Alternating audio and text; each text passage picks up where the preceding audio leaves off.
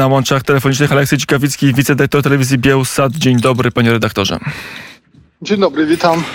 Ach, to jest czasami tak, że się mówi dzień dobry, a rozmowa dobra nie będzie. Kolejny wyrok na dziennikarkę Bielsatu. Dwa lata odsiedziała, teraz czekają przeszło 8 lat kolonii karnej za zdradę. Opowiedzmy historię dzielnych dziennikarzy z Białorusi. O, o Boże, długo było opowiadać. No, to jest, skup, skupmy się na Kaci, bo to jest e, na Kaci Andrzejewej, bo to jest e, bezprecedensowy wyrok. No, dwa lata temu e, Kacia razem z operatorką Darią Szulcową, dziewczyny zostało zatrzymane niecałe dwa lata temu za to, że po prostu relacjonowały pro, protesty powyborcze w Mińsku w jednej z dzielnic, z dzielnic Mińska. Wtedy oskarżono je o właśnie organizację e, tych protestów, e, e, to, że sprzyjałoby sprawiu, że nawoływały ludzi, żeby e, uczestniczyły w tych protestach. No i dziewczyny dostały dwa lata i to był taki pierwszy e, powyborczy, ostry wyrok, jeżeli chodzi o dziennikarzy, e, czyli więzienia. Teraz, teraz kiedy i Kateryna i Dasza miały wyjść już 5 września, czyli niedługo e, nagle zdecydowano, żeby, sfabrykować kolejny protest przeciwko właśnie Kaci. No i dostało wczoraj 8 lat i 3 miesiące. E, 3 miesiące już w takim e, więzieniu ostrym, ostrym rygorze niestety. Kacia Andrzejewa, dziennikarka telewizji Bielsat, relacjonująca protesty w roku 20. Jak teraz wygląda sytuacja dziennikarzy na Białorusi? Czy w ogóle ktokolwiek jeszcze próbuje docierać z niezależną informacją do kraju Łukaszenki? No na szczęście yy, szczęście nieszczęście jest takie, że mamy jednak 2022 rok i yy, w całości nie można od, odciąć kraju od internetu. Mamy VPN-y, mamy Telegram i tak dalej, różne, różne takie narzędzia, które pozwalają jednak e, e, praktycznie w tajemnicy e, e, sięgać po informacje niezależne. Oczywiście e, nie ma już żadnego E, żadnej niezależnej gazety czy stacji radiowej, już nie mówiąc o telewizji niezależnej, wszystko zostało zniszczone. Zdecydowana większość dziennikarzy e, była zmuszona do ucieczki z kraju, nieraz przez bagna, przez, przez jakąś granicę. No i pozostało e, bardzo niewielu dziennikarzy w Białorusi, którzy jeszcze próbują coś robić. No oczywiście robią to pokryjomu dlatego że w ogóle nic otwarcie robić teraz nie można. Wczoraj akurat w Baranowiczach skazano dziennikarza, który, e, no, który zrobił tylko jedną rzecz, sfotografował e, e, sprzęt wojskowy rosyjski, który, który był przywożony przez Białoruś. Za jedno to zdjęcie dostał 2,5 roku więzienia. Więc to jest po prostu totalny stalinowski terror żeby e, zastraszyć nie tylko oczywiście dziennikarzy, bo około 30 naszych kolegów, które znajdują się w więzieniach, jeżeli chodzi o dziennikarzy. W ogóle więźniów politycznych jest już ponad 1250, e, więc nie tylko oficjalnie uznanych. To oczywiście ogromna skala, nigdy nie spotykana na Białorusi i myślę, że bardzo dawno temu w Europie. E, więc no to oczywiście taki walec, który chce w całości pozbawić Białorusinów dostępu do wolnej informacji, ale jak mówię, ludzie przekazują, są systemy, ludzie sami przekazują zdjęcia, jakieś krótkie informacje, przysyłają do mediów, no bo rozumiem, że trzeba te media wspierać, inaczej, inaczej władza będzie miała takie e, poczucie, że jest w, w ogóle w żaden sposób nie jest kontrolowana o tak. E, panie redaktorze. A co jakieś szanse wydobycia e, Kacia Dryjewej, ale też innych dziennikarzy, czy tutaj, nie wiem, rząd polski albo jakiekolwiek inne agencje są w stanie e, powstrzymać reżim Łukaszenki przed karaniem dziennikarzy, przed karaniem własnych obywateli za to, że chcą mieć własne zdanie? No niestety tu też sytuacja jest dość skomplikowana, dlatego ja chciałem tylko przypomnieć o tym, że to nie pierwsza oczywiście sytuacja na, na Białorusi, kiedy masowo rzuca się do więzień własnych obywateli.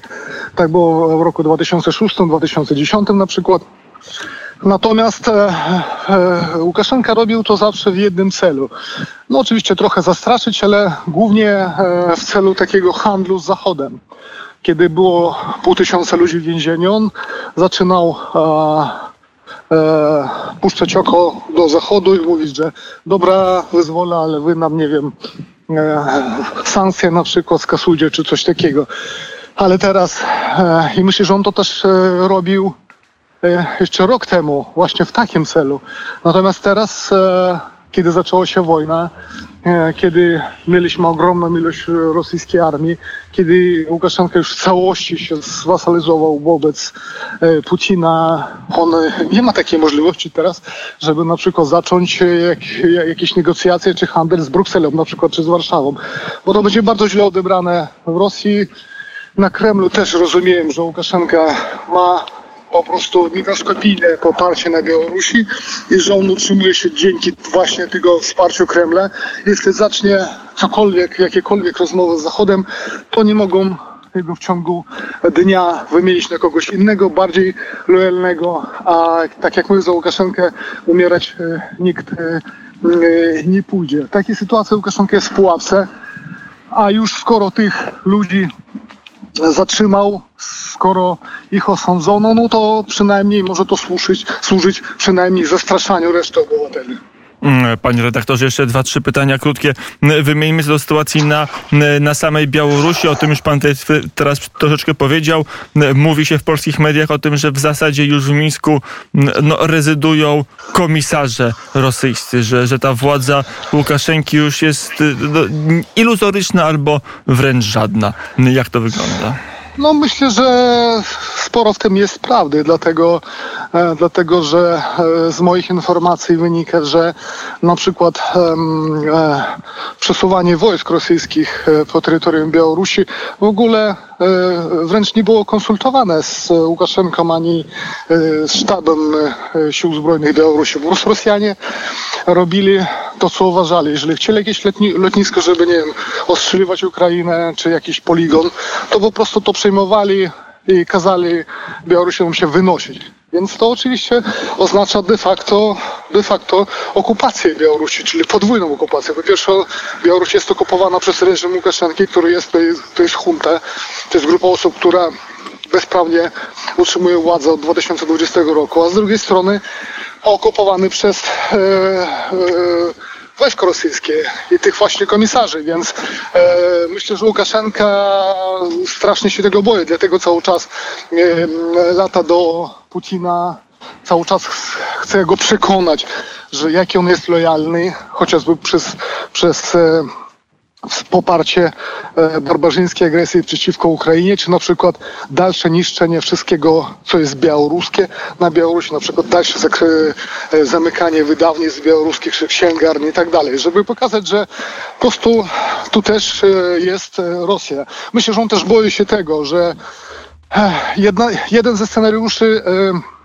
przewiduje taki rozwój wydarzeń, że jeżeli e, rzeczywiście Rosja poniesie klęskę w Ukrainie albo nie osiągnie tego, co, co, co zamierza chociażby częściowo, no to e, w zamian żeby na, na potrzeby polityki wewnętrznej e, Putin może zażądać referendum o dołączeniu Białorusi do Rosji. Czyli no dobra, oderwaliśmy kawałek Ukrainy, ale jeszcze cała Białoruś chce do nas że tak powiem, wstąpić jako kolejna gubernia. I tego Łukaszenka oczywiście się boję, na, nawet jeżeli jest figurantem, to jednak w jakimś tam chociażby tytułuje się prezydentem, a nie gubernatorem. E, panie redaktorze, a sytuacja tych wojsk rosyjskich, pojawiały się analizy, że, że być może teraz e, Rosja wcale się nie zatrzyma, tylko będzie chciała po raz kolejny próbować zdobyć Kijów, także poprzez Białoruś, czy cokolwiek wiemy o ruchach wojsk rosyjskich, o ich liczebności na terenie Białorusi? E, z pewnością ta liczebność jest mniejsza niż na początku wojny, ale ile dokładnie tego wojska, tego oczywiście nikt, nie, nikt, nie jest w stanie, nikt nie jest w stanie powiedzieć. Prawdopodobnie wywożona na przykład jest amunicja tak, z Białorusi, stara radziecka, Borsjanem jej, jej nie starcza. Jeżeli chodzi o e, jakby marsz na Kijów, no to też e, z tych analiz, e, co czytam, jakby są dwie frakcje na Kremlu.